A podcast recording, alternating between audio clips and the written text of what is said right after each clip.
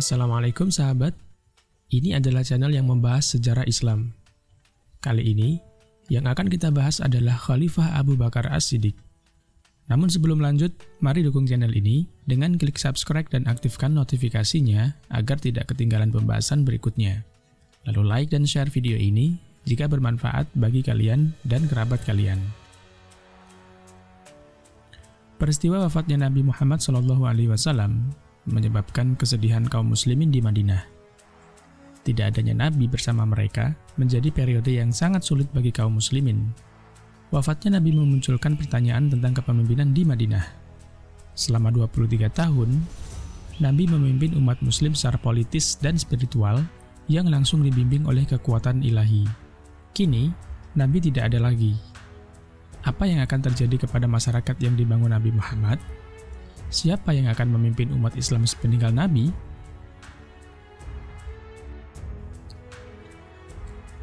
Sebelum jenazah Nabi dikuburkan, sekelompok tokoh utama dari kaum muhajirin dan kaum ansor berkumpul untuk menjawab pertanyaan soal kepemimpinan.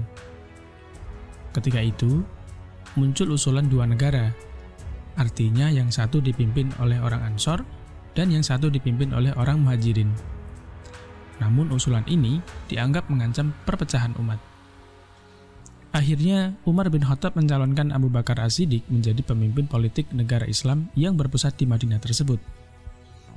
Abu Bakar adalah pilihan tepat, sebab setelah Khadijah, dialah orang pertama yang menerima Muhammad sebagai nabi dan mengikuti ajarannya. Abu Bakar As-Siddiq mendapat gelar Khalifatul Rasul, yang artinya pengganti Rasulullah atau biasa disebut khalifah. Namun khalifah bukanlah nabi baru. Al-Quran jelas menyatakan bahwa Rasulullah Muhammad sebagai nabi terakhir dan tidak ada lagi nabi yang datang setelahnya. Tugas khalifah bertindak sebagai pemimpin politik dengan mengikuti teladan yang diberikan Nabi Muhammad saat memimpin Madinah. Khalifah Abu Bakar melanjutkan program yang belum terlaksana di masa Rasulullah, seperti pengiriman pasukan perang Usamah bin Zaid. Abu Bakar tetap mengirim pasukan tersebut ke Syam bagian selatan untuk bertempur melawan Bizantium sebagai kelanjutan atas Perang Mu'tah. Ekspedisi ini menunjukkan tujuan politik umat Islam tak akan berhenti sepeninggal Nabi. Di saat yang bersamaan, berbagai suku Badui yang baru masuk Islam mulai memberontak dan tidak mau membayar zakat. Padahal, zakat merupakan pilar penting dalam Islam. Mereka beralasan dengan wafatnya Nabi, maka sumpah setia kepada Islam tidak berlaku lagi. Tak hanya suku Badui yang memberontak, juga muncul sejumlah orang yang mengaku sebagai Nabi. Yang paling menonjol di antara orang yang mengaku Nabi tersebut adalah Musailamah al-Kazab. Abu Bakar menyatakan mereka yang memberontak dengan tak mau membayar zakat dinilai telah keluar dari Islam atau murtad. Adapun munculnya nabi-nabi palsu merupakan ancaman bagi Islam.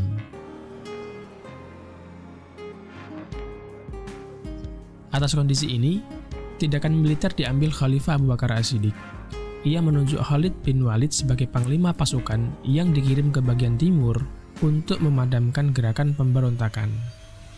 Khalid bin Walid terkenal di seantero semenanjung Arab karena ia belum pernah kalah dalam pertempuran yang dilakukannya sebelum atau sesudah masuk Islam.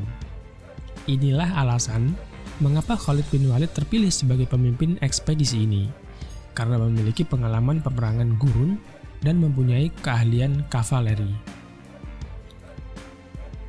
Benar saja, pasukan di bawah Panglima Khalid berhasil mempertahankan Madinah dari ancaman pemberontakan serta berhasil memukul mundur pasukan Musailamah Al-Kadzab. Bahkan, Musailamah sendiri terbunuh dalam peperangan yang dikenal dengan Perang Yamamah tersebut. Perlahan-lahan, kesetiaan kepada khalifah menyebar di seluruh jazirah Arab. Khalifah menyuruh suku-suku untuk kembali ke Islam dan memerangi mereka yang masih memberontak. Pada tahun 633 Masehi, perang melawan kemurtadan selesai.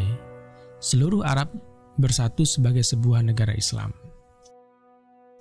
Sampai di titik ini, Islam telah berhasil selamat melewati tantangan politik, menghapuskan pertanyaan tentang kesetiaan pada Islam dan pimpinan politik sepeninggal Nabi. Selain memperkuat keberlanjutan negara Islam, masa kekhalifahan Abu Bakar sangat penting bagi pelestarian Al-Quran dalam bentuk tertulis. Dalam Perang Yamamah, banyak penghafal Al-Quran yang gugur, sedangkan Al-Quran sendiri ditulis secara terpisah dan tersebar di kalangan kaum muslimin. Namun, di masa Abu Bakar, Al-Quran telah berhasil disatukan melalui saran Umar bin Khattab agar seluruh naskah Al-Quran yang tersebar dikumpulkan dan diperiksa lagi dengan ingatan para sahabat yang dapat dipercaya. Disimpan di lokasi terpusat untuk berjaga-jaga atas skenario yang tidak diinginkan jika semua penghafal Al-Quran meninggal.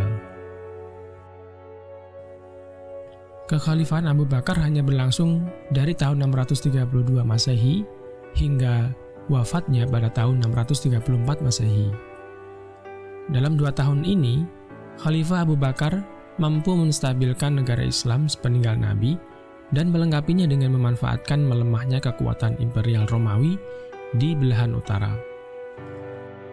Dua tahun masa kepemimpinannya telah membuahkan teladan tentang peran khalifah dalam umat Islam dan keberlanjutan keyakinan muslimin setelah Nabi wafat.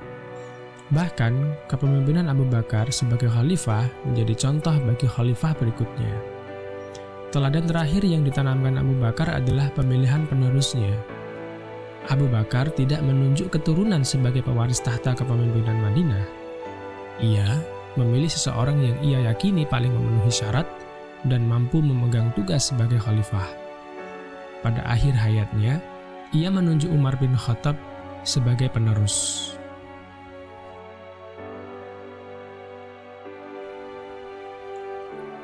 Demikian sahabat video kali ini. Terima kasih telah menonton video ini. Jika ada yang ingin ditambahkan, silahkan berikan komentar di bawah.